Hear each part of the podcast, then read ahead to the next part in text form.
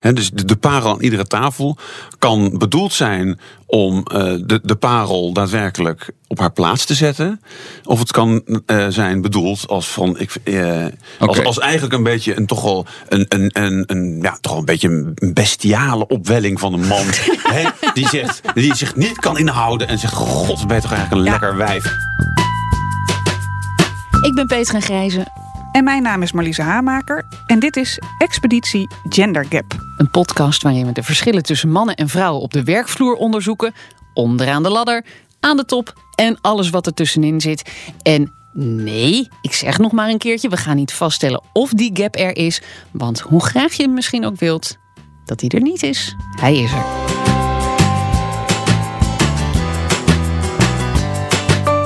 Als je de eerste aflevering nou gemist hebt, even teruggaan. Al is het maar om te horen dat Petra daar leert dat ze soms mannen moet laten uitpraten als ze complexe zaken uitleggen. ja. En dat kan ik dus. Ja, dat, dat Ook al ben ik een vrouw. Ja, kan dat. Inmiddels kan je dat. Oké, goed. Heb je de eerste nou gehoord, dan uh, kun je nu mooi verder. En uh, we doen dit verder dus op persoonlijke titel. Ga je nou weer beginnen? Niet te persoonlijk, toch? Nou ja, ik ben bang deze aflevering wel een beetje. Oké. Okay. Zeg jij het? Seksisme. Wat? Ja, seksisme. Daar gaan we het deze aflevering over hebben. Ik vind dat een beetje een lastig onderwerp. Waarom? Ja, het is beladen. Ik vind het ook lastig wat het is. Wat is seksisme? Ja, oké. Okay. Maar. Wat vind jij seksisme? Ik vind seksisme als je altijd wordt aangesproken op uh, je vrouwelijke eigenschappen. Dus bijvoorbeeld je lichaam. Weet je wat we laatst hadden? Er was een, een, een award werd uitgereikt ja. voor de meest sexy stem. Oh ja. En dan, wie had hem gewonnen? Annegien van het NOS Journaal. Geweldige presentator, vind ik dat echt. Met autoriteit. Inhoudelijk. Uh, inhoudelijk. Slim. En waar krijgt ze een prijs voor? Voor, voor de, de, sexy stem. stem.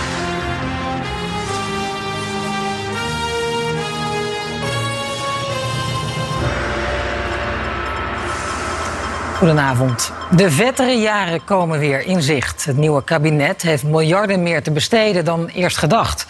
Omdat de economie groeit. Ja, dat, dat vind ik dus eigenlijk seksisme. Vind ik ook seksisme. Ja, maar... Um, Al heeft ze wel een hele mooie stem. Dat klopt, dat vind ik ook. Ja. ja. en dat, vind ik, dat is ook zo. Maar ja, moet je, dat, moet je dat dan weer belonen in plaats van andere dingen? Uh, ja, nog andere voorbeelden. Even denken, oh, ik heb er zoveel en dan ben ik ze kwijt. Veel vrouwen die zeggen als uh, um, nou, zwanger, hey, ik zit even naar jou te kijken. ik, ik heb veel vrouwen hierover gesproken en die zeggen, ja, en dan ben ik zwanger. En dan ga ik dat vertellen aan de baas en dan zegt hij, hmm, wil je straks als je terugkomt nog wel fulltime werken of nog vier dagen werken? Ja. En dan zeggen die vrouwen, dat vragen ze niet aan mijn man. Nou, dat is het punt. Hè. Dat, dat is het eigenlijk van vragen die wel aan jou als vrouw worden gesteld, die dan niet aan die mannen worden gesteld. Tegelijkertijd vind ik het ook een valide vraag. Omdat ik kan me ook. Het is ook prima als jij zwanger bent, een kind krijgt en denkt: ja, ik wil gewoon de eerste jaren wat meer bij dat kind zijn. Nou, nee, daar heb ik ook over nagedacht. Want hè, ik ben nu zwanger, dus dan denk je over, ja, die dingen denk je over dit soort dingen na. Maar weet je wat het is? En ik denk dat die mannen dat niet doorhebben. Dus ik neem het ze ook niet kwalijk. Ik denk dat vrouwen het net zo goed doen. Maar er zit toch een soort van onderliggende gedachte in van een vrouw met een kind en werk. Dat kan eigenlijk niet. Dat is een beetje lastig. Mm -hmm. Ja. Ik denk dat we even moeten gaan bellen weer met bellen. Over ja. wat nou eigenlijk seksisme is. Ga ik, even, ga ik, ik, ga, ik ga even naar de andere studio. Ga ik even doen. Kom zo terug.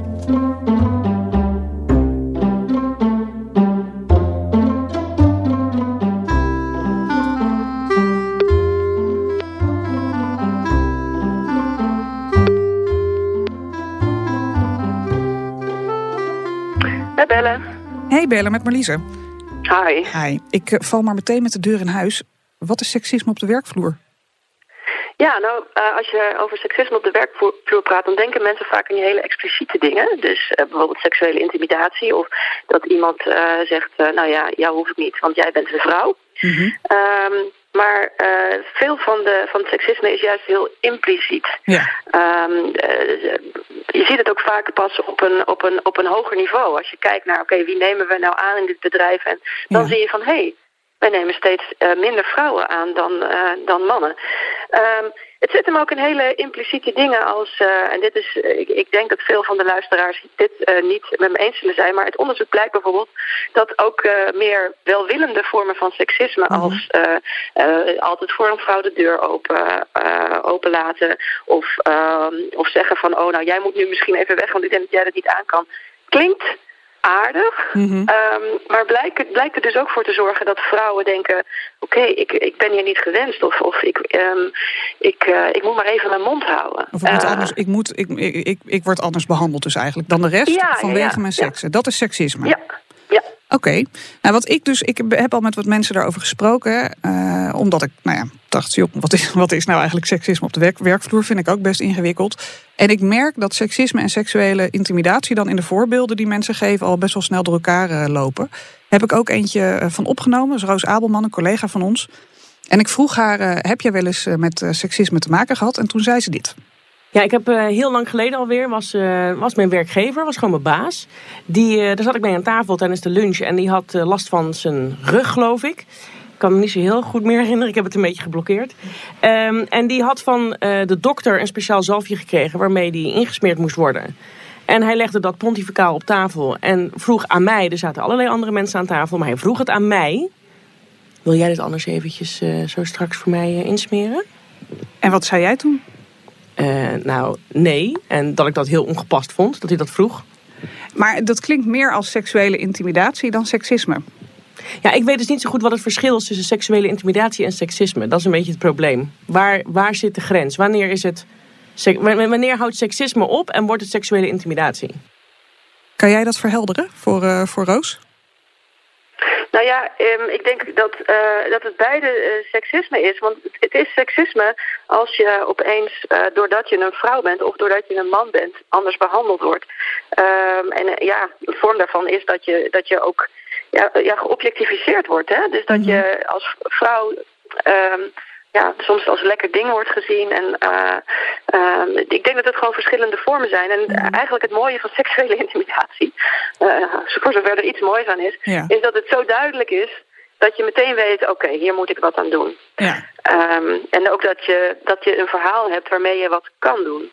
En dat is met seksisme vormen... lastiger. Nou, veel vormen van seksisme is dat niet. Uh, want dan krijg je toch dat mensen zeggen... ja, nou, waarschijnlijk heb je het verkeerd geïnterpreteerd. En ja. De meeste, meeste dingen die, uh, beslissingen die genomen worden... kunnen om allerlei redenen benomen, uh, genomen zijn. En is het heel moeilijk om te zeggen... dat komt omdat ik een vrouw ben. Ik wil je nog een ander fragment laten horen uit de vorige aflevering. Het gaat om een stukje uit RTL Late Night... waar ze het hadden over die wegloopactie van Petra... Marianne Thieme zat aan tafel en stelde vast dat ze op dat moment de enige vrouwelijke fractievoorzitter was in de Tweede Kamer. Frits Wester zat er ook en hij had wel een idee hoe dat kwam. Of die vrouwen willen gewoon niet. Oh ja, dat, dus ja, nee, maar dat, is, bedoel, altijd, bedoel, dat is natuurlijk altijd we, hebben, we, hebben, we hebben natuurlijk andere fractievoorzitters gehad. Femke Halsema, vrouw, uh, Jolande Zap. Uh, maar bij heel... 2008 voor het laatst, ja, maar ja. vijf vrouwelijke uh, fractievoorzitters. Ja, kijk naar de Partij van de Arbeid op dit moment. Geen vrouw. Stel ze kandidaat voor het lijsttrekkerschap. Ja. Ze hebben ze wel gezocht als een soort excuus, dat moet ik er wel bij zeggen. Maar... Mm -hmm. Mm -hmm, zegt Marianne. Um, jij bent de expert. Is dit seksisme of moeten Marianne Thieme en ik hier gewoon niet over zeuren? Nou, uh, ik denk dat uh, Frits Wester deels gelijk heeft dat vrouwen uh, soms kiezen om er niet voor te gaan. Mm -hmm. en dat hij dat zegt, ja, ik vind dat op zich niet seksistisch. Maar wat wel seksistisch is, of, ja, is dat die keuzes die vrouwen maken vaak gebaseerd zijn op de ervaringen die ze hebben. Uh, wat bijvoorbeeld heel mooi is, er is net onderzoek gedaan in Engeland dat laat zien dat ja, vrouwen als ze binnenkomen in bedrijven, hebben ze vaak evenveel ambitie als de mannen die binnenkomen in bedrijven. Mm -hmm. Maar naarmate ze er langer werken, daalt hun ambitie. Um, en, uh, en, en, en sommige vrouwen besluiten dan ook, oké, okay, ik ga hier weg, ik ga het ergens anders proberen, of ik ga thuis zitten, of weet ik veel wat. Eigenlijk kan je dat een beetje vergelijken met uh, kinderen. Uh, mm. Je zegt tegen je kind, we gaan vandaag niet naar de speeltuin, en je kind zegt, um, ja, maar dat wilde ik eigenlijk ook helemaal niet hoor. um, dat is ook wat er gebeurt met, met vrouwen, en ook met mannen in sommige ja. werksituaties. Je, je wilt iets, je moet er keihard voor werken om het te bereiken. Als jij steeds meer erachter komt, ik kan nog zo hard werken, maar het lukt me niet. Dan zeggen sommige vrouwen, ja, dat ga ik dus ook niet meer proberen. Ja. Dus uh, vrouwen kiezen ervoor om het niet te doen. Vrouwen uh, werpen zich niet op als lijsttrekker. Maar er zit ook een, een periode aan vooraf dat je je realiseert, ja, ik kan helemaal eh, slag in de rond te werken. Maar ik, het gaat mij niet lukken. Nee, nee dat, daar zit wat in. Ja, dan, dan, en dan geef je het dus maar op. Uh, vind jij dit eigenlijk een, een lastig onderwerp? Ja, ik vind het een lastig onderwerp, seksisme. Omdat um, uh, wat mensen vaak naar op zoek gaan is... Uh, wie, wie is er hier seksistisch mm -hmm. en waarom doet die persoon dat? Uh, en ook, we gaan er toch een beetje van uit dat mensen de intentie hebben om seksistisch te zijn. Wat heel belangrijk is om te benadrukken... is dat het meeste seksisme voortkomt uit allerlei onbewuste gedachten die we hebben.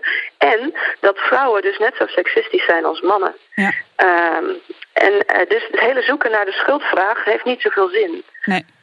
Maar we kunnen wel op zoek gaan naar wat we eraan kunnen doen. Of in ieder geval hoe we, er, hoe we het meer bespreekbaar uh, kunnen maken. En dat gaan we uh, nou ja, verder in deze aflevering doen. Dankjewel leuk. weer. Hartstikke uh, leuk. Doei. Oké, okay, doeg.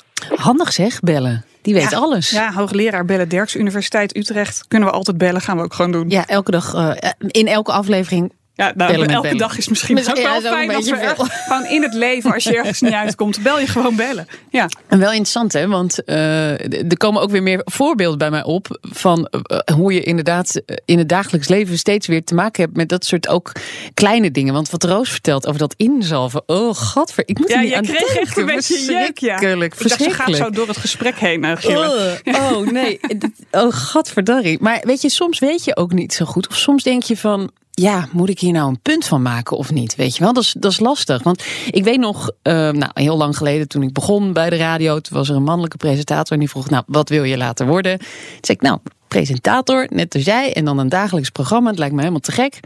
Oh, bij een kinderprogramma zeker. En toen dacht ik, huh? Huh? Nee. Of uh, uh, ik ging een keer een filmpje opnemen in een uh, nou, nogal flashy auto. En dan zei een mannelijke collega: Joh, je kan beter op de motorkap gaan liggen. Oeh, auw. En toen zei ik: Even terugrijden. En toen heb ik gezegd: Joh, doe zelf even. En uh, hou op met die seksistische opmerkingen. Dat heeft mij tijd gekost hoor, om daar echt wat Ja. over te zeggen. Mhm. Want heel vaak denk je: Ja, dan ben ik een zeikert. Of uh, weet je wel. Ja. Ken je dat? Ja, dat ken ik heel erg goed. Um, ik denk ook dat vrouwen uh, hun seks wel eens gebruiken. Hè. Dat wordt natuurlijk altijd gezegd. Ja. ja, zit je te zeiken over dat seksisme, maar je gebruikt het ook. Ja, dat is waar. Net zodat mannen gewoon hun bullenbakkerigheid uh, af en toe gebruiken.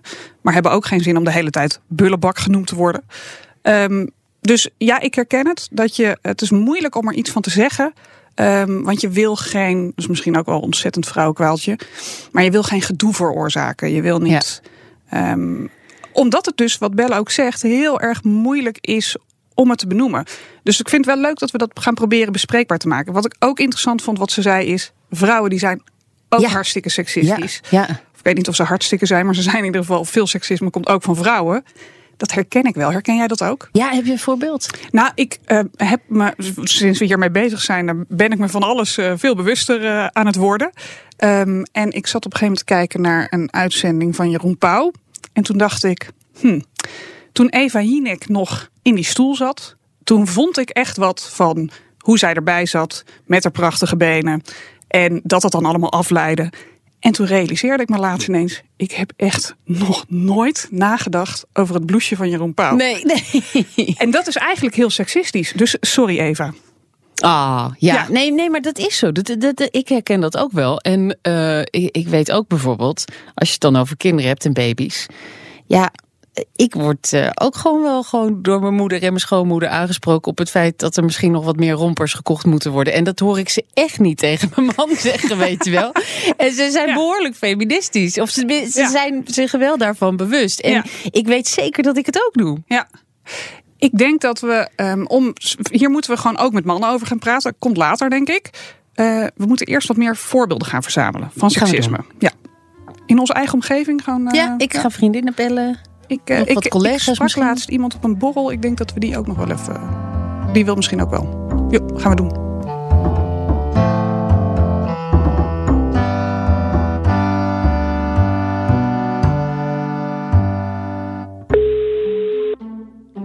Wouke. Wouke met Petra. Hi, Hallo, hi, hi. goedemiddag. Goedemiddag. Wouke, je weet waar het over gaat, hè? Ja, doe maar. Heb je zelf wel eens in Den Haag te maken gehad met seksisme? Nee, niet uh, van, me, van de mensen met wie ik werk, uh, nog van de politici, nee. Maar dit dan? Wacht even hoor, daar komt hij. U bent dus echt een slecht verliezer, hè? Oh, ja. Als u niet eens mijn antwoord wilt geven. Ga lekker naar huis koken, veel beter. Wouke. Ja, ja dat oké. Ja, goed, eh, die, die is bij mij niet in mijn hoofd opgeslagen als eh, seksisme, maar als eh, eh, de moeder alle quotes. ja, Was gewoon een topquote. geraakt kan doen en, eh, en daar heel moeilijk erover doen. Het enige wat ik dacht daarna, eh, natuurlijk is je eerste reactie, ja, zeg lul, kan wel meer. En je tweede reactie is gewoon heel professioneel van, wauw, ik heb nu echt een gouden quote in mijn handen. Ja, ja, ja, ja, ja. Nee, dat, dat was natuurlijk ook een gouden quote die ook nou ja, nagedragen wordt tot het einde der dagen. Ja, Daar kan je ook wel helemaal ziek van worden, dat kan ik me voorstellen. Ja. Maar heb jij, heb jij nou het idee van ehm, hè, seksisme? Dat- Ik heb het idee dat, dat vrouwen er ook niet graag over praten. Heb je dat ook een beetje? Nou ja, nou ja, het ligt eraan eh, eh, eh, hoe vrouwen erover praten. Ik bedoel, eh, heftig, heftig seksisme, zoals de acties tegen dat eh walgelijke naroepen op straat. En als je dan niet erop ingaat dat je een hoer bent, dan moet je het groot protest in de kaak stellen, uiteraard. Ja.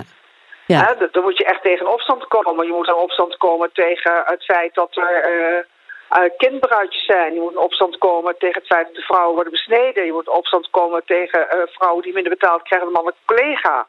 Dat moet je allemaal wel doen, maar je moet vooral voorkomen dat je eh uh, piepend in de slachtofferrol vervalt. Kijk, het is al erg genoeg dat sommige vrouwen geen andere keuze hebben dan slachtoffer te zijn, omdat hun anders de meest vreselijke dingen te wachten staan. Denk aan mensenhandel. Uh, denk aan uh, culturen waarin vrouwen echt gewoon helemaal niet meetellen. Die zijn nog minder dan een koe.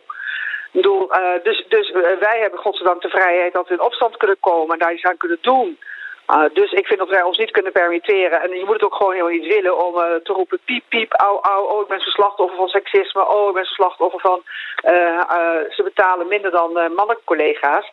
En dat is nou niet om jou je hielen te likken, Petra Grijze. Zo'n actie als van jou, dat je dus gewoon aan plein publiek midden in de uitzending zegt... Oké okay, jongens, dit was het. Ik ben klaar met werk, want tot zover kreeg ik betaald. Kijk, dat is leuk. Dat is ludiek, trekt aandacht en je protest is neergezet. Ja, Daar ja. moeten we het van hebben. Dus je moet het een beetje uh, tong in cheek ook aan de kaak stellen. Want weet je wat ik wel Zeker. heb, heb Wouke, sinds die, uh, uh, sinds die actie... is dat ik wel heel veel verhalen hoor dan van andere vrouwen om me heen. Jong, oud, alle generaties. Met wel verhalen dat ik denk, jeetje, maar dat wist ik helemaal niet. En dat is misschien helemaal niet verkeerd om het af en toe wel even Precies. te melden, weet je wel. Het be, de, de Nee, maar- bewustwording. Maar, maar, maar daar onderstreep, onderstreep je toch mijn argumenten. Kom er tegen in opstand, meld het. Ga, ga niet eh, alleen maar roepen van... oh, maar we zijn zo zielig en oh, we hebben zo last van... en oh, wat worden wij achtergesteld. Doe er iets mee. Ga, nou, ma- maak een ludieke actie. Of eh, voor mij wordt ga je met grote spandoek op de straat lopen. eh, weet ik het. Maar ga niet... eh, ik word, ik word zo ongelooflijk ziek van op dit moment in Nederland zoveel groepen slachtoffers zijn. Je bent slachtoffer van dit, je bent slachtoffer van zus. We zijn allemaal slachtoffer van elkaar, lijkt het wel. Nou, wat, wat mij betreft, ik ben daar klaar mee, dan moet maar gewoon stoppen. Ja, dat was Wouke van Scherrenburg, uh, die herken je vast wel. En die gouden quote, die haalde ze in haar tijd als politiek verslaggever bij natuurlijk Pim Fortuyn. Ze had het over de slachtofferrol en dat we daar dus niet in moeten gaan zitten. Nou, dat hebben we inmiddels al wel wat vaker gehoord. We zouden er een jingle voor kunnen maken. De slachtofferrol. Ik zei eerder al dat ik laatst iemand sprak op een borrel... die misschien wel over dit onderwerp met ons zou willen praten. Ik had het over Marietje Schaken. Europarlementariër voor D66 sinds 2009. Ze heeft wel even getwijfeld of ze mee wilde werken... maar uiteindelijk zei ze toch gewoon ja. Dus we gingen van de borrel naar koffie in de kroeg... en daar vertelde ze om te beginnen aan Petra en mij... waarom ze nou toch besloten had om te praten over... ja ja, seksisme. Nou, het is met de hele rol van vrouwen en welke obstakels we nog wel eens tegenkomen, uh, denk ik echt een kwestie van dat je uh, niet wil dat het nog een belemmering is in 2017. Maar alleen omdat je heel graag wil dat het geen probleem is, betekent nog niet dat het geen uitdaging is af en toe.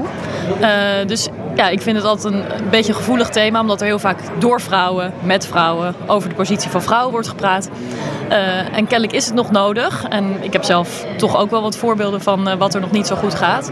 Maar je wil ook weer niet in een slachtofferrol of benadrukken um, ja, dat je er last van hebt. Dus daarom heb ik wel uh, getwijfeld of ik het erover zou hebben. Maar ik vind ook dat ik misschien door te delen wat ik ben tegengekomen iets van een verschil kan maken, inzicht kan geven. Dus ik wil het toch graag doen. Waarom denk je dat we zo bang zijn om in de slachtofferrol te komen? Is het een soort taboe ook onder ons? Ja, een beetje. En ik denk toch dat als je ervaring hebt met seksisme of met uh, ja, toch beledigende opmerkingen of wegzetten, dat wil je eigenlijk niet. Dus het is ook een negatieve ervaring die je dan moet gaan delen. En in de politiek delen we natuurlijk uh, liever successen en uh, waarom het allemaal goed gaat, ambities, plannen, optimistische verhalen. Ja. dus het, ja, het is een beetje contra-intuïtief om dat dan weer op tafel te gaan leggen. Maar ja, toch wellicht ook nuttig om wel te doen af en toe. Ja. Is het Europarlement nog echt een mannenbolwerk? Want dat is wel een beetje het beeld wat ik heb. Ja, in het Europees parlement zitten veel meer mannen dan, uh, dan vrouwen. Uh, bovendien zijn de meeste mensen een stuk ouder. Zeker dan, uh, dan toen ik begon, toen ik 30 was. in het eerste mandaat van 2009 tot 2014 was 10% onder de 40. Dus ja, was ik op vele manieren anders dan het gemiddelde. maar het is ook niet altijd vrouwvriendelijk. Bijvoorbeeld zwangere vrouwen mogen zich niet laten vervangen. Ja, dat is natuurlijk ongekend. Hè? In de Tweede Kamer mag dat wel. Dus je stem gaat letterlijk verloren als je afwezig bent omdat je een kind krijgt. Dus het is eigenlijk beter om geen uh, vrouwelijke Europarlementariërs uh, te hebben? Nou, als je puur vanuit uh, die kansberekening kijkt, kunnen er partijen zijn die denken: ja, dat risico willen we niet nemen. En dat is natuurlijk echt een hele negatieve prikkel om geen vrouwen op de lijst te zetten. Terwijl dat nou juist wel een heel belangrijk doel is. Dus het is zeker geen, uh, uh, geen goede praktijk die er is in het Europees Parlement. Zwangerschap en vrouwen, Petra zei het eerder ook al, dat is wel een dingetje. hey, dat is echt heel toevallig. Ja, dit geloof je natuurlijk echt ontzettend. er komt net ineens een berichtje binnen van Maaike Houman. Journalist, schrijver, tijdje ook de wereld rondgevlogen als stewardess. En nou ja, eigenlijk My Best Friend Gil. Ik had haar gevraagd of ze een audioberichtje wilde sturen met nou ja, voorbeeld van seksisme op de werkvloer. Dat zij wel eens heeft meegemaakt. Dus ik denk, nou, we moeten maar even, ja, als het nu toch binnenkomt, even gaan luisteren. Ik werd een keer gebeld op een vrijdag of ik die zaterdag ergens anders in het land een uh, klus kon doen. Waarop ik zei, nou normaal kan ik in principe altijd in het weekend. Alleen ik heb morgen een familieverplichting en daar kan ik niet onderuit. Waarop er gezegd werd, Oh ja, we moeten een werkende moeder natuurlijk niet in het weekend vragen om iets te doen. Een andere keer solliciteerde ik ergens op een functie en uh, ik ambieerde een bepaalde positie. En toen werd er gezegd: Ah, maar je bent een moeder die werkt. Ja, die onregelmatige diensten, dat kun je dan beter niet doen. Het is veel beter om voor jou gewoon wat stabiliteit en rust te hebben, hè? Overigens werk ik nu wel onregelmatig en dat is prima te combineren. Ja, prima inderdaad. Maaike kan sowieso alles. Ik zou niet heel snel in mijn hoofd halen om haar te vertellen wat ze wel of niet uh, moest doen. Maar kennelijk zijn er toch mensen die dat wel deden.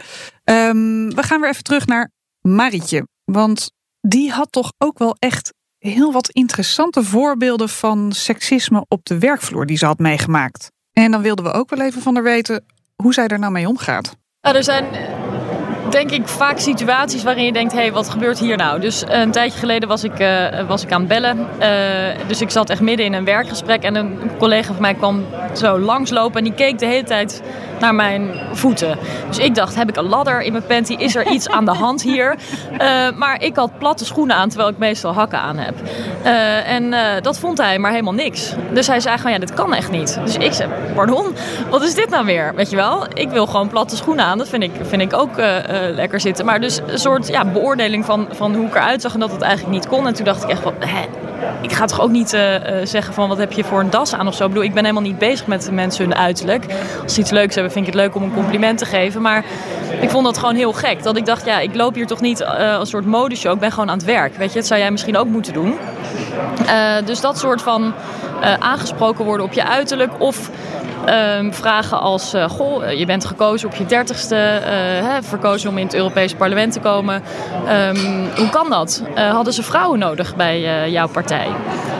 Dat ik denk, nou, we hadden vooral goede mensen nodig. En natuurlijk streeft D66 naar inclusiviteit en een diverse lijst. Maar de suggestie dat je ergens vooral bent omdat je vrouw bent, dat is gewoon niet, niet hoe ik graag gezien wil worden.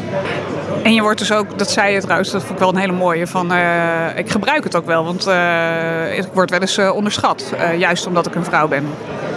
Ja, gebruik is misschien niet helemaal het goede woord, want ik doe er zelf niet zoveel aan. Maar ik merk soms dat mensen denken, nou, er wals wel even overheen of eh, verwacht niet te veel inhoudelijks eh, van die kant.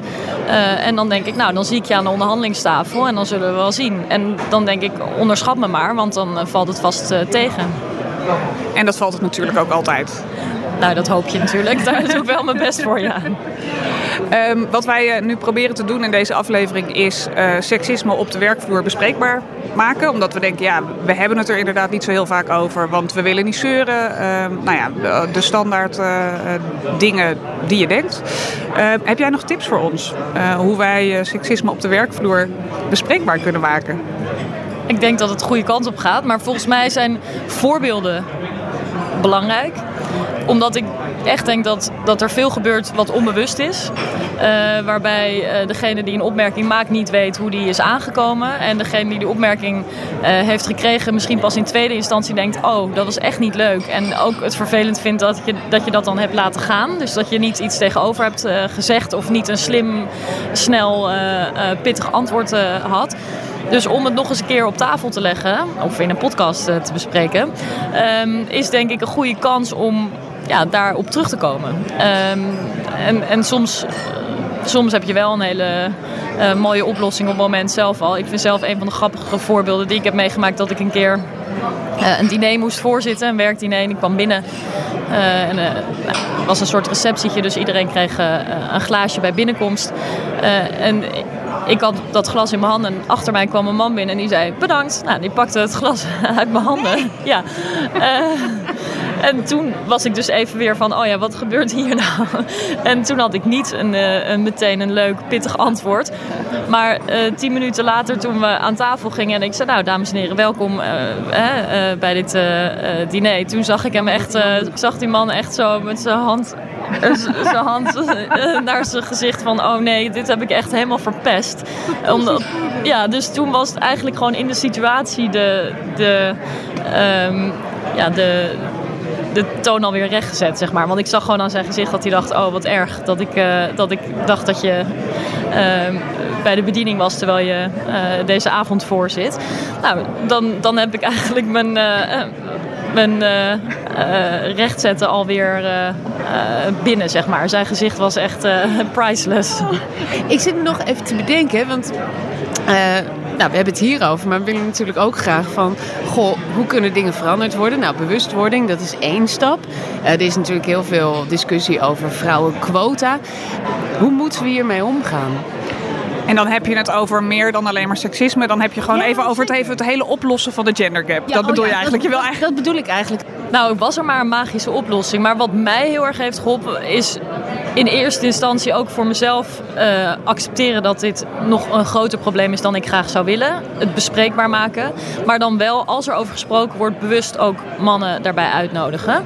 Ehm, ik heb toch nog te vaak panels met alleen maar vrouwen. Die voor een publiek van voornamelijk vrouwen praten over de positie van vrouwen. En dat werkt gewoon echt niet. Eh, dus mensen ook uit de top van bedrijven of managers eh erbij uitnodigen. En elke keer als ik dat heb gedaan, eh, was het voor hen misschien nog wel waardevoller dan voor vrouwen die hun ervaringen konden uitwisselen. Hoewel dat ook helpt. Dus het idee dat je je alvast voorbereidt op de volgende situatie en je voorneemt om iets terug te zeggen eh, als er iets vervelends gebeurt, hoe moeilijk dat ook is, want het kan soms echt heel ongemakkelijk zijn. Eh, dat vind ik al versterkend werken. Dat je gewoon denkt: nee, ik ga niet meer een opmerking. ehm, over eh, vrouwen of dom blondje of wat dan ook. Hè. Ik ben blond, dus het komt ook nog wel eens. gewoon laten passeren. Dus ik, ik wil dat niet zomaar laten gebeuren. Dat helpt ook al. Ehm, maar ik denk dat, dat eh, de combinatie van, eh, als je kijkt naar bedrijven, het economische belang van meer inclusiviteit, eh, het belang voor partijen. Ik bedoel, we zitten nu in verkiezingstijd en toch zijn alle lijsttrekkers vooral bijna alle, allemaal man.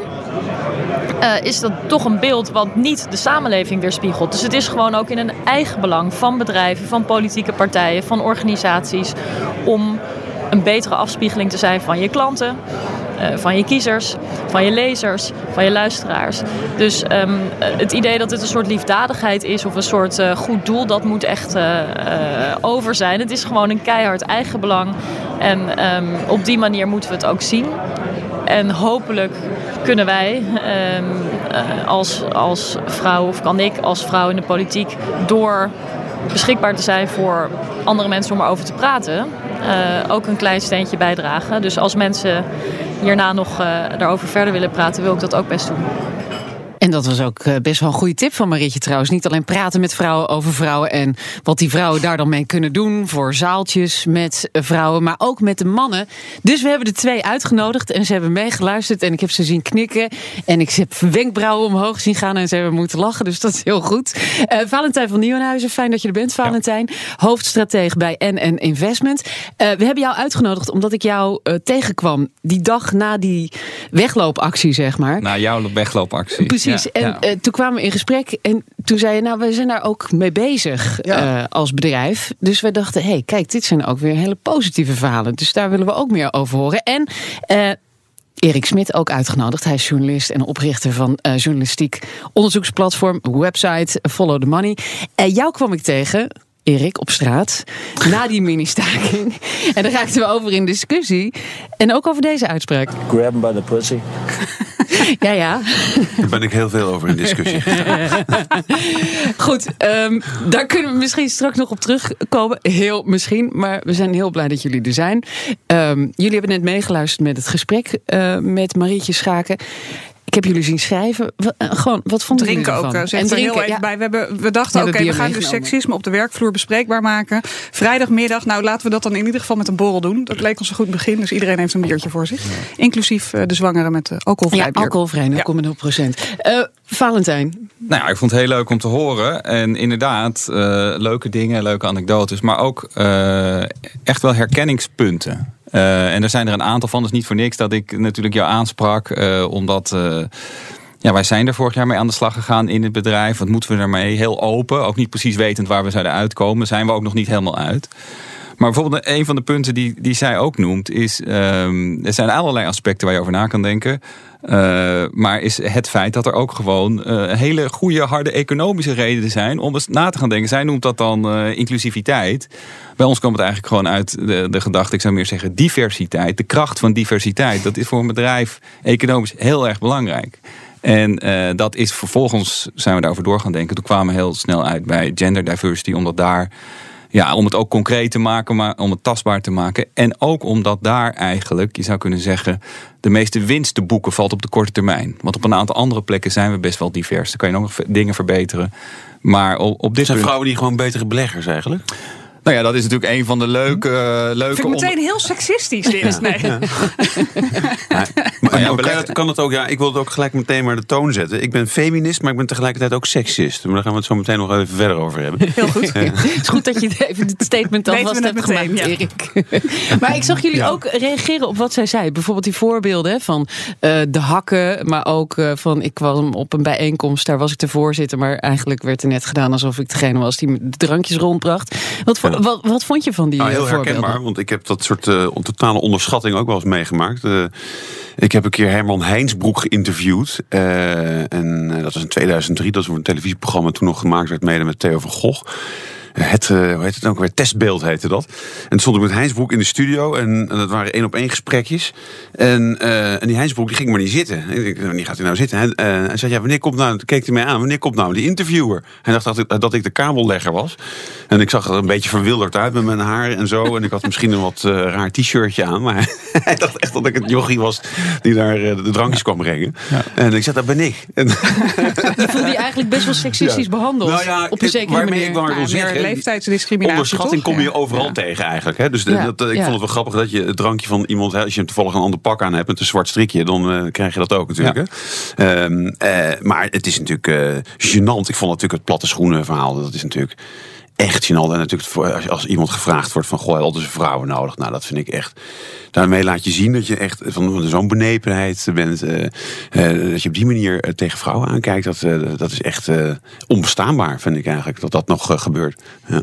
Ja, maar ja, ik denk dat je zelf al aangeeft, hè, die, die vooroordelen, die, wat ze in het Engels noemen, die biases, die heeft eigenlijk bijna iedereen. Dus bepaalde excessen, mooie voorbeelden kan je snel onbestaanbaar noemen. Maar wat, het was ook een van de eerste Nou, dingen. Nee, maar, maar ik bedoel, kijk, die platte schoenen kan ik me nog iets bij voorstellen als onbewust. Maar als iemand echt vraagt van, goh, helden ze vrouwen nodig in het, hè, of het is een hele cynische grap of sarcastische grap. Maar als je dat echt meent, ja. dan, dan klopt er iets niet. Nee, tuurlijk, tuurlijk. Maar wat natuurlijk, als je er dan over door gaat denken, eh, en inderdaad zonder eh, dat je het ook gelijk heel, heel expliciet eh, vrouwen in een slachtofferrol wil plaatsen, dan is het is wel. En daar zijn we mee in de slag gegaan. Om, om naar die, die biases, die vooroordelen te gaan kijken en te gaan onderzoeken. Dus een van de eerste dingen die we ook hebben gedaan is. Nou, ik ga daar eens een keer een aantal testen over doen. En wat je ziet is dat natuurlijk die, die vooroordelen, die zijn er.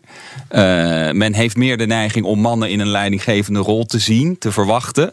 Eh, Want wat voor test hadden jullie dan bijvoorbeeld gedaan waar dat uitkwam Ja, je opborrelen? hebt, je hebt gewoon testjes die daarvoor kan doen. Dan krijg je plaatjes, eh, vrouwen, mannen door elkaar heen. En dan, en dan moet je een beetje drukken op knoppen rechts en links. Of je ze vindt passen bij een, eh, bij een leiding- leidinggevende rol of niet. Hè, welke rol je ze inschat.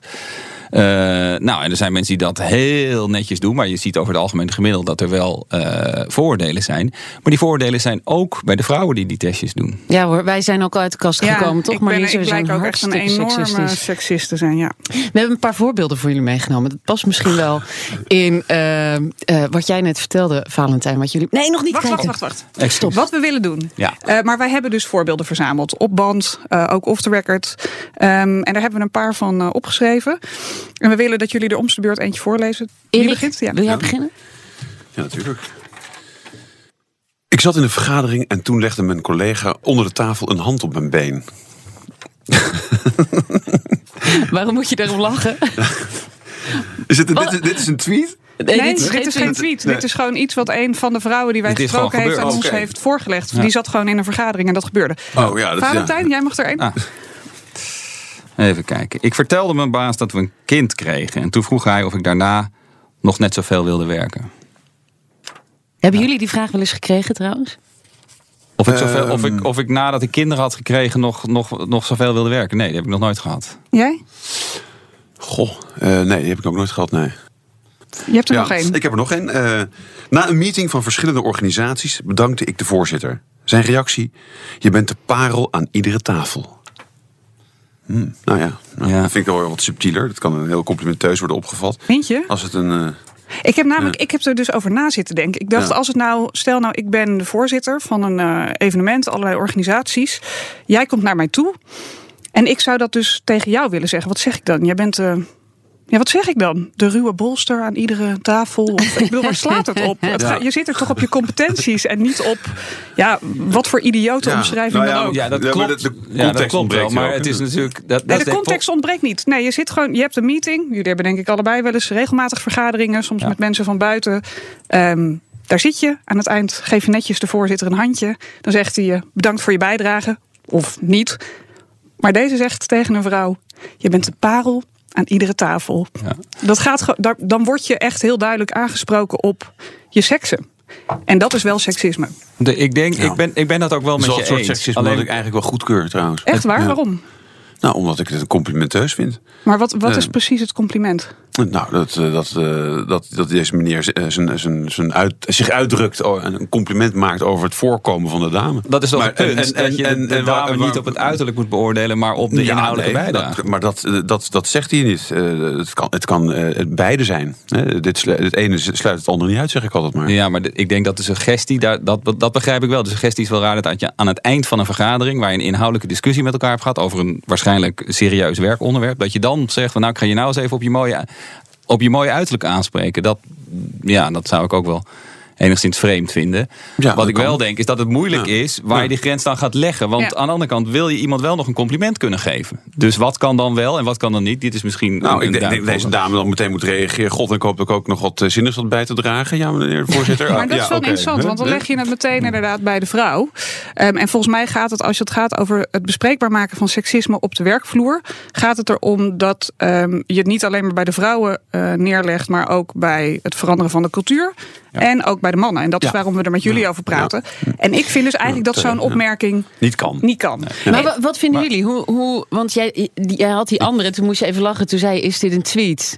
Ja. Maar dit is gewoon, Nou, ja, eh, dit, is echt gebeurd. Dit is echt gebeurd. Van Dat is- hand is been een- in de hand, vergadering. hand, eh, hand tot been. Nou ja, goed, ik kan ook hier de context niet beoordelen. Maar als dat een. eh, een, een, een- een- maar als dit zomaar een hand op een been is, dan is het puur seksuele intimidatie. Dit. Hè? Dus, Dat is heel makkelijk om te zeggen dat dat niet kan, Dat denk kan ik. Dat niet, is ja, overduidelijk. precies. Ik denk ook dat de tweede niet kan.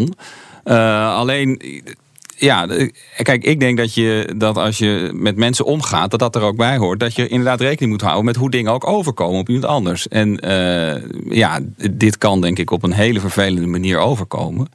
En dat moet denk ik een onderdeel zijn hoe je communiceert met elkaar in een bedrijf. Dus- Mhm. En hoe, want Of in elke organisatie, elke setting eigenlijk. Kijk, Marlies en ik en eh, heel veel vrouwen die we hebben gesproken. En ik denk eigenlijk wel dat het voor elke vrouw telt. We hebben elke dag met dit soort dingen te maken. Dus die komen, system is niet zo van, oh dat zijn uitzonderingen of zo. Nee, die, daar heb je, nou wekelijks in ieder geval komen er wel opmerkingen voorbij. En dan is eh, bij mij, heb ik altijd zoiets van, moet ik er nou weer wat van zeggen? Ja, dan ben ik een zeikwijf. Of ik kan niet tegen een grapje. Of het is best wel moeilijk om in het sociale verkeer eh, om daar constant mensen op te wijzen. Dat is heel vermoeiend en het, en het werkt ook niet lekker, weet je wel. Dus mijn vraag is ook aan jullie: van, is dat iets. Want ik zei het al, Marlies en ik zijn ook uit de kast gekomen. Wij Ja, maar- zeggen ook wel eens dingen over vrouwen dat we nu denken: oh, dat is best wel seksistisch.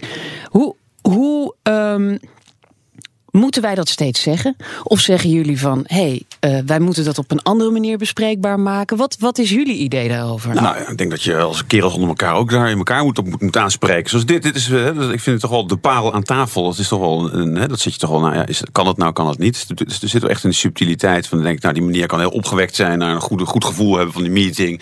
En, en, en, en vinden, goh, eh, eh, wat, wat zie je er fantastisch uit en dat niet kunnen onderdrukken. Hè, dus dat, eh, Ja, maar dan, je- dat- hè? daar kan het vandaan komen. Je kan wel begrijpen waar het vandaan komt en zeggen: joh, het is goed bedoeld. Maar Precies, ik had niet door ja. hoe het aankwam. Maar uiteindelijk is het natuurlijk wel iets. En zeker als je het hebt over iemand die een vergadering voorzit. En als je het ook nog misschien hebt over iemand met autoriteit in een organisatie. Ja, dan moet je het- dat het- soort het dingen gewoon mij- het meewegen. gaat- je moet het meewegen om- welke ja. impact het kan hebben. Nee, dat, begrijp ik. Dat, eh, en, en, en, maar het gaat, het gaat mij toch, toch om de betekenis, wat de man dan, eh, hoe die het zegt. Dus de, de parel aan iedere tafel kan bedoeld zijn om eh, de, de parel daadwerkelijk op haar plaats te zetten. Of het kan eh, zijn bedoeld als van ik, eh, als, als eigenlijk een beetje een toch wel een, een, een, een ja, toch een beetje een bestiale opwelling van een man. hè, die, zegt, die zich niet kan inhouden en zegt: God, ben je toch eigenlijk een lekker wijf. En dat op deze manier. Maar ik denk dus- En voor dat laatste moet altijd ruimte blijven bestaan, wil ik toch blijven. Ja. Maar wil je dat ook, wil je dat ook in werksituaties? Ik denk dat je dat niet, zeker niet op deze manier wil. En fantastisch uitzien vind ik ook nog weer wat anders dan de parel. Daar zit nog, toch nog wat, wat extra eh, inkleuring aan. En eh, ja, ik denk gewoon dat je dat, je dat in, een, in, een, in een werksituatie, als je weet, hè, wat jullie net uitspreken, daar was de vraag, ik begon de vraag Mhm. ik mee. Moeten wij nou elke keer onze hand opsteken? Eh, vrouwen die daar heel actief in zijn, die zeggen wel, je moet ook je hand opsteken, je moet ook, maar je moet ook partneren met mannen. Dat is ook een uitspraak die ze vaak doen. Mannen bij betrekken, dat is bij ons ook gebeurd. Ik ben er ook bij betrokken. Hè, want op een gegeven moment was er een vrouwenclub die daarover aan het nadenken binnen het bedrijf. Zeiden we moeten daar ook in gesprek zijn met mensen binnen ons bedrijf. Dan hebben ze mij gevraagd om er bij de eerste sessie bij te komen zitten. Maar als je dat allemaal weet, ja, dan moet je daar toch rekening mee houden in zo'n, in zo'n reactie. en dan, goed, dan moet je- achteraf wel verklaren, maar ik vind dat je dan wel fout zit met die reactie. Maar dan moet je dus eerst een soort bewustwordingsproces door. Dus Ja. ook voor vrouwen en voor mannen dus kennelijk. Want hoe is dat dan gegaan met die vrouwenclub en met jou? Nou ja, Was je misschien ook eerder niet bewust van dingen die je eh, wel eens zei of eh, deed? Of dat je dacht van, Ja, oh, nou, dat heb ik ook wel eens gedaan, maar Onge- nu ga ik het niet meer doen of zoiets? Ongetwijfeld, ongetwijfeld. Hè. Toen ik daarbij zat, dacht ik ook van, van een aantal dingen die gebeuren bij ons echt niet. Dat, dat, dat, dat was mijn eh, vooroordeel. En dan Oké, wordt, dus voorbeelden waarvan je dacht, Dan- zo, dat dan- wist ik niet. En dan worden daar dingen over verteld. eh, over hoe sommige reacties ook zijn geweest. Bijvoorbeeld rond zwangerschappen. Eh, en dan denk je, ja, er zijn dus toch ook wel voorbeelden in deze organisatie. Dus dan ga je daar verder over denken. Ja, en dat bij ons is dat ook stap voor stap. Dus nog steeds, we zijn nog steeds stappen daar aan mee aan het zetten. Maar heel hard bezig met die bewustwording. Erik, jij zei, jij zei van, ik vind ook gewoon dat ik af en toe moet kunnen zeggen dat het een heel lekker wijf is. Ja. Ja, ja, dat is dan toch inderdaad eh, de. de- de- een kortstondige limbische ontvoering, als een, als een neuroloog dat zou zeggen. Dat, eh, en, en, en ik vind dat kerels, eh, maar ook vrouwen, toch dat, dat, dat, dat eigen niet in de steek moeten laten. kerels, die vind ik, zeker in, in steden, vaak toch al veel te verwijfd overkomen. Veel te nadenkend. Je mag ook af en toe toch wel echt wel eens jezelf zijn, zeg maar. Valentijn zit eh, tanden te nou, tegen- helemaal voor dat je jezelf bent, hier lekker op straat. En Nee. dat is het, van- wat is het mooie aan zo'n stad en alle diversiteit die er is. Ook in karakters en ook in precies. voordelen. Weer Wees lekker jezelf. De eerste, de eerste lentedag en de eerste ro- rokjesdag. Ja. Dus is, mogen, we dat ook, mo- mogen we dat ook niet meer vieren, rokjesdag, zometeen Valentijn? Mag, mag jij van mij vieren wanneer je wil eh, in je, in je, in je eigen tijd, zeg maar. Maar ja, als je in een organisatie... Alles is mijn eigen tijd, dit ook. Ja, nou, dat is fantastisch. Eh, Maar ik denk in, in, in, in een organisatie waarin ook bepaalde financiële en professionele afhankelijkheden zijn. eh, ja, daar, daar, daar gelden op een aantal vlakken denk ik andere regels. En daar moet je gewoon eh, iets meer eh, rekening houden met elkaar. Oh. Oké, nou, nou, oké, dat is, het is een soort van. eh, dus op, we zijn mens, maar op het moment dat je een, een bedrijf binnenloopt, de deur gaat open, en dan ben je dat opeens niet meer. En dan, moet je dat, eh, dan, eh, dan moeten we opeens ons heel erg professioneel gaan gedragen. Ja, Hè? nou ja, ik, ben, ik, ben, ik bedoel, ik voer deze discussie al wat langer in, in, op een ander terrein. Dat gaat over moraliteit. Hè, dus we zijn heel, heel moreel bezig. Maar op het moment dat je. eh, je bent goed voor je kinderen. Maar op het moment dat je het bedrijf binnenkomt. Dan, eh, en, en dan in één keer is. Ja, maar dat, dat doen we nou eenmaal. Zo gaat het nou eenmaal in de wereld van de banken. Hè, nou, hetzelfde verhaal eigenlijk. Eh, Dus, dus je, je, je zegt eigenlijk. Als je een bedrijf binnenkomt lopen. Dan gebeurt er iets. En dan moeten we ons anders Nee, gaan ik wens gewoon als vrouw aangesproken te worden Ja, maar op mijn buiten die deuren. capaciteiten. Ja, Ja. nou ja, maar goed, ik bedoel, dat, dat, dat laat ik dan nog voor, voor zich. Weet je, kijk, als ik eh, in de zomer op de fiets zit eh, in een volkomen normaal t-shirtje en er gaat iemand uit een autoraam hangen en roept lekkere tieten, dan denk ik ook, goh, niet zo prettig. En als er dan, ja, je vindt het leuk, als er heel, heel weinig mensen op straat zijn, voel ik me misschien ook nog wel een beetje bedreigd in mijn uppie en die twee kerels in de auto. Maar dat, dat laat ik dan hier al gaan. Dat is dan al oké, dat vinden we dan allemaal normaal dat dat zo gebeurt. Eh, maar als het gaat over op de werkvloer, wil ik als vrouw, en ik denk dat het voor iedere vrouw geldt, net zoals jij als man, wil jij gewoon aangesproken worden op je capaciteiten. Jij wil niet aangesproken worden op of je wel of niet eh, gespierde armen hebt. Nou, Of- sorry, daar wil ik wel op aangesproken worden. Daar word jij, zeg maar, ik, in een ik zou het heel werksituatie- fijn vinden als, ik, als iemand zegt, ook op de werkvloer... God, wat heb jij een lekkere reet, Smit. Echt Ik- ja, waar? ja, echt. Dat vind ik Oh, heel fijn om te horen. Wat verdrietig. Waarom is dat Oh, verdrietig? Dat vind ik gewoon echt heel verdrietig. Waarom is dat helemaal niet verdrietig? Ik vind dat het is eh, leuk om, om, om, om dat soort complimenten op onverwachte plekken in ontvangst te mogen nemen. Oké. Ja, maar ik denk de kern is dat wat jij leuk vindt en wat jij prettig vindt, eh, overduidelijk niet voor iedereen geldt. Dat is en, dat, dat, dat Ja. dat misschien de kans dat, Nee, eh, dat- vrouwen zich op het gemak zullen voelen in het bedrijf eh, waar jij leiding aan geeft en waar jij bepaalt of zij een carrière kunnen maken of zij een, een salarisverhoging kunnen krijgen, zich daar ja, minder prettig bij zullen voelen. Net zo goed als dat je op straat ook heel minder prettig kan voelen als je op een bepaalde agressieve manier wordt be- benaderd. Nou, maar Natuurlijk is er een verschil tussen een, tussen een professionele omgeving en hoe dat op straat kan. En ik denk op straat kan je nog veel meer jezelf zijn en nog vrijer zijn. Maar ook daar zijn er grenzen. En ik denk dat je inderdaad, als je in een, een, een organisatie werkt waar nou eenmaal ook dat soort afhankelijkheden zijn. En je ook met elkaar bepaalde afspraken maakt over hoe je naar buiten toe eh, communiceert als bedrijf. Hoe je wil overkomen op klanten. Hoe je met, met, met klanten wil omgaan.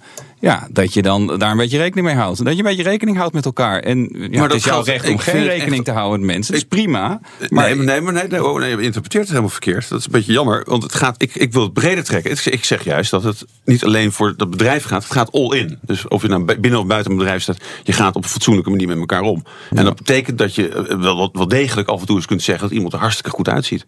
Maar En, dat is eh, iets anders. eh. eh, en, en, en natuurlijk, kijk, en dat gaat het om, om, om, om, de, om de woordkeuze. En het gaat om hoe je, hoe je dat doet. Precies. het gaat om de Maar- maar timing. stel nou dat jij het- heeft met sociale intelligentie te maken. Dus als op- jij op het goed op bedoelt, rokjes- als jij op het goed rokjesdag- bedoelt. Even Nee, het- het- als ik op rokjesdag iemand zie lopen en, en, en ik denk, god, het ziet hij er fantastisch uit. Of ik zeg, denk, hé, hey, wat een lekker wijf. Of een, eh, nee, wat ziet die gozer er goed uit. Want ik wou, dat, ik wou dat ik hem was, omdat hij een fantastisch atletisch lijf heeft. Eh, dan, dan denk ik dat. En als ik dat in een situatie zou komen waarbij dat gepast zou zijn, of grappig, of wat dan ook, zou ik het ook meteen misschien kunnen zeggen. Dat wil helemaal niet zeggen dat ik dat ook doe. Of dat ik dat elke keer doe eh, mijn, in mijn bedrijf. Helemaal niet. Dat absoluut niet. Maar het is het is wel een, een, een, een, mogelijkheid die moet komen. Ik vind niet op het moment dat je gaat denken van wij zijn nu uh, het bedrijf binnengekomen, we zijn nu professioneel bezig. En, uh, en dan mogen we op een bepaalde manier helemaal niet met elkaar communiceren. Nou, dat vind ik echt onzin. Je, je toont je professionaliteit en je waardering voor iemands prestatie, vrouw of man, op talrijke manieren. En je kunt ook op andere manieren ik zie vader tonen. Nou ja, ik vind het een beetje makkelijk. Nu voeg je er netjes aan toe op gepaste wijze. En ik doe het niet altijd. Ja, nee, nee precies. Dat, nee, maar jij, jij trekt gelijk de conclusie dat ik het wel doe, namelijk. Dat ik doorlopend. Nou, dat, volgens uh, mij was je dat net vol enthousiasme aan het verkondigen. Nee, dat, dat je dat graag op zo'n manier. Nee, dat, dat je geen verkeerd geïnterpreteerd. Dat je geen verschil nee, wil. Ik pleit voor, het mogelijk, voor de mogelijkheid. Dat je nog ja, om de mogelijkheid om dat op de gepaste wijze te doen. Maar kijk, op een gepaste wijze dan is gelijk alles weg. Want als je het op een gepaste wijze doet, dan is het op een manier waardoor uh, iemand, an, ja. iemand anders zich daar niet door geïntimideerd wordt voelt. En als, je, als jij nou weet dat jij het helemaal, helemaal goed bedoelt, volledig oprecht, alleen maar puur complimenteus, maar je weet ook dat diezelfde uitspraak bij die ander, bij die vrouw, echt een zware kras zet. Doe je die uitspraak dan of niet?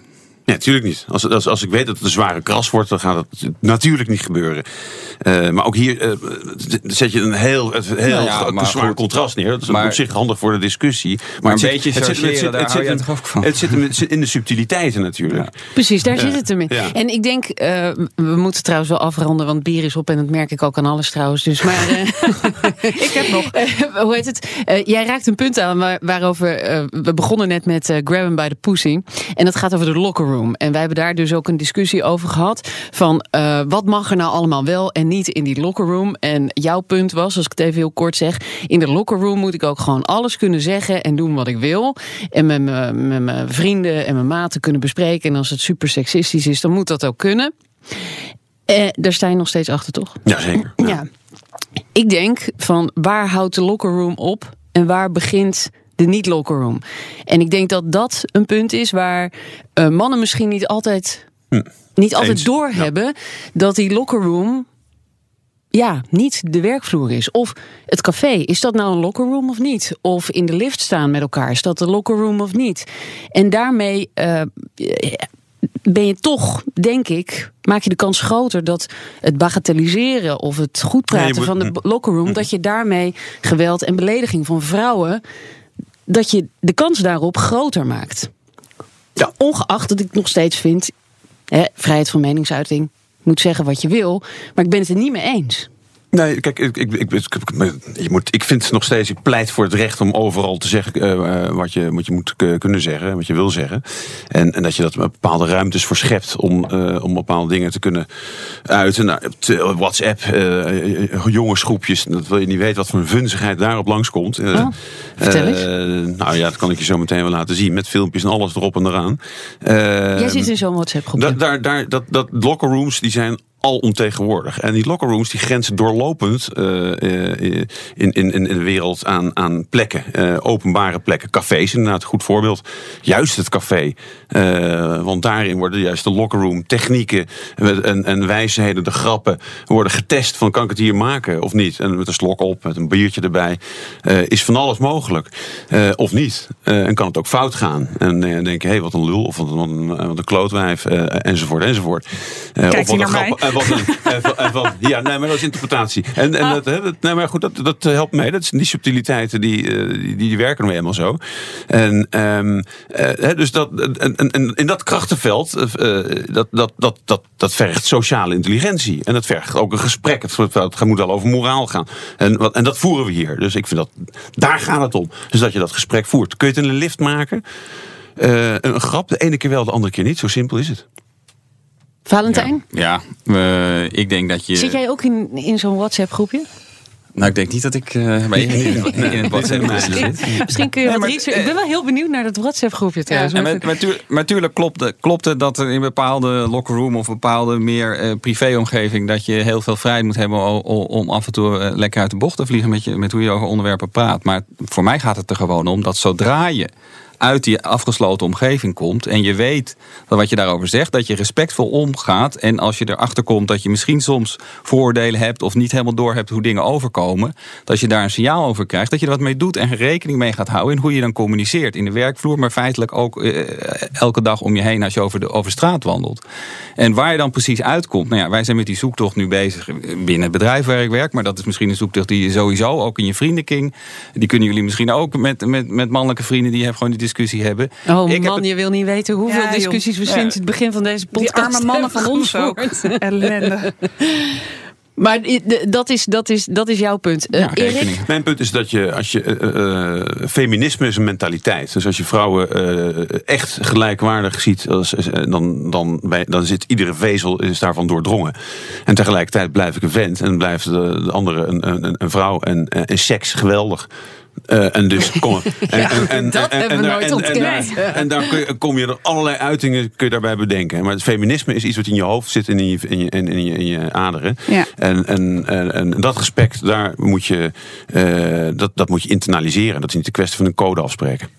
Ja, en uiteindelijk die locker room heeft een deur die gaat dicht. Eh, de WhatsApp groep eh, die sluit je af. Ehm, de kroegdeur sluit je ook af. En de werkvloer is gewoon een andere plek.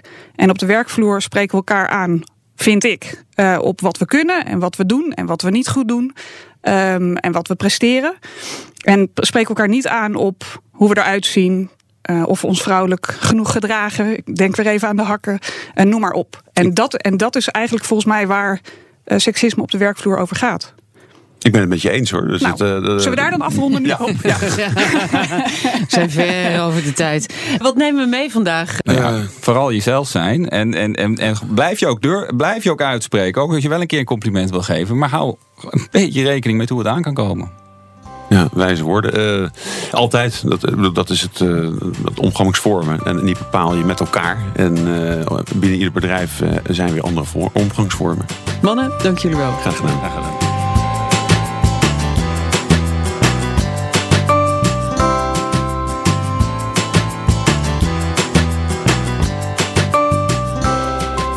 Dus, in deze aflevering onderzochten we hoe je seksisme op de werkvloer bespreekbaar maakt. Wat heb jij erover geleerd? Nou, dat ik er heel graag over praat. En veel. Dat doe ik wel vaker natuurlijk. Maar ik vind het heel leuk om over seksisme te praten. Zou ik eigenlijk wel gewoon een serie van acht afleveringen over willen maken. Dat is één. Ehm, en ik wil nog even terugkomen op het voorbeeld dat ik aan het begin gaf over Eva Jinek. Toen kwam ik even uit de kast eh, zelf als eh, seksist. Eh, over de fauteuil waar ze in zat tijdens een van de eerdere series van haar talkshow. En dat ik mezelf erop betrapte dat ik daar echt wat van vond. Terwijl ik haar eh, mannelijke collega Jeroen Pauw dus niet op zijn uiterlijk beoordeelde. Een paar weken nadat we dat hadden opgenomen, won Eva Jinek de award voor beste presentator. Een prijs voor hoe ze haar vak uitoefent. Een prijs die ze kreeg van haar vakgenoten. Ja. En treffender dan dat wordt het voor mij gewoon niet. Want ze verdient die prijs en ze kreeg die prijs voor hoe ze haar werk uitoefent. Hoe ze haar vak uitoefent. En dat is precies waarop je in je werk beoordeeld moet worden. En waar je in je werk op aangesproken moet worden. Hoe je dat werk doet, welke dingen je verneukt. Niet hoe je eruit ziet, of hoe je haar zit. Of dat je wel vriendelijk genoeg lacht als je een punt maakt. Of welke partner je hebt. Want jeetje, wat heeft ze een hoop shit over zich heen gekregen ook nog eens zeg. Exactly. Nou, ik denk echt, dit geldt voor ons allemaal, voor mannen en vrouwen. Weet je, beoordeel elkaar, spreek elkaar aan op de werkvloer ehm, op eh, hoe we ons werk doen. Nou ja, en, en weet je wat eigenlijk nooit gebeurt, is erover praten met mannen. Zoals we met Erik en Valentijn hebben gedaan. Want dat, je ziet dat het bij hun ook iets doet. Ja. En dat zij denken van, hé, gebeurt dit? En dat heb ik vaker gehoord eh, de afgelopen tijd van mannen die zeggen... hé, maar is dat echt gaande? En eh, dat wist ik niet. En eh, oh, ja, daar heb ik eigenlijk nog nooit over nagedacht. En misschien doe ik het zelf ook wel. En daar praten we eigenlijk nooit met elkaar over. Nee, ook niet zozeer met vrouwen. Ik, dat nu pas, sinds wij Precies. hiermee bezig zijn, praten wij hier ook veel met elkaar over. Want we hadden het hier nooit over. En ik vond het interessant ook omdat, nou ja, als je het met vrouwen onderling, zoals die parel, die heb ik echt aan meerdere vrouwen verteld. En jij ook. En al die vrouwen die zeggen, jeetje, dat meen je niet. Maar dan blijkt dus dat, ja, sommige mannen, en misschien ook wel vrouwen hoor, en ken ik ze toevallig niet, of heb ik het toevallig niet met Oh, ze dat over denk ik gehad. ook. Maar dat- Ongetwijfeld. Maar dat die daar dus anders over denken. En ik denk dus, ehm, ik, heb, ik heb natuurlijk de waarheid in pacht. Nee, ik heb niet de waarheid in pacht. Maar ehm, we komen er alleen maar achter We kunnen alleen maar onderzoeken van, eh, van wat vinden we nou normaal, wat is oké, door het daar met elkaar over te hebben. En het uit die taboes weer te halen. En dus ook niet altijd bang te zijn. Dat, ja, dat vind ik, maar dat is ook mijn persoonlijke mening. Maar om in die slachtofferrol te zitten. Want je mag er best over praten. Je mag best je ervaringen delen. En tuurlijk, daarna, en daar ben ik helemaal weer met Wouke eens, dan moet je er ook wat mee doen. Bijvoorbeeld een podcast over maken. Maar ehm, het- je moet denk ik in dat hele proces ook eerst gewoon neerleggen op tafel. Dit is wat er gebeurt. Ook op jouw werkvloer. Ik had er nog eentje, een man, eh, heb ik een stukje laten horen van, eh, van eh, die aflevering alvast. Gewoon hè, even een beetje uittesten. En die zei, ja, maar jullie hebben het helemaal niet over seksisme waar mannen mee te maken hebben.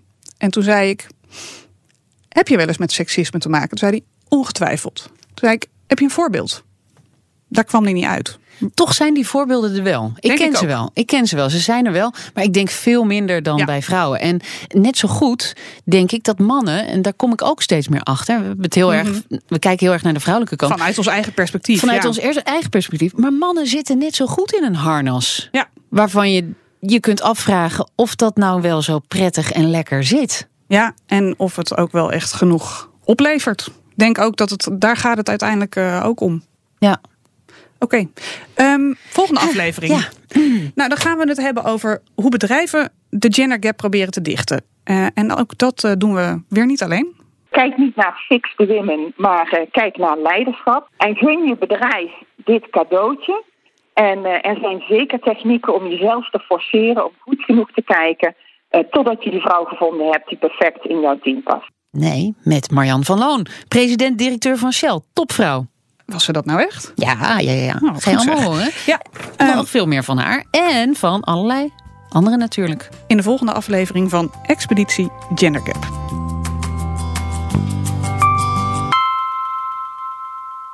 Expeditie Gender Gap wordt geproduceerd en gepresenteerd door Marlies Hamaker. En Petra Grijze natuurlijk. Sanne Walvis is verantwoordelijk voor de mediastrategie.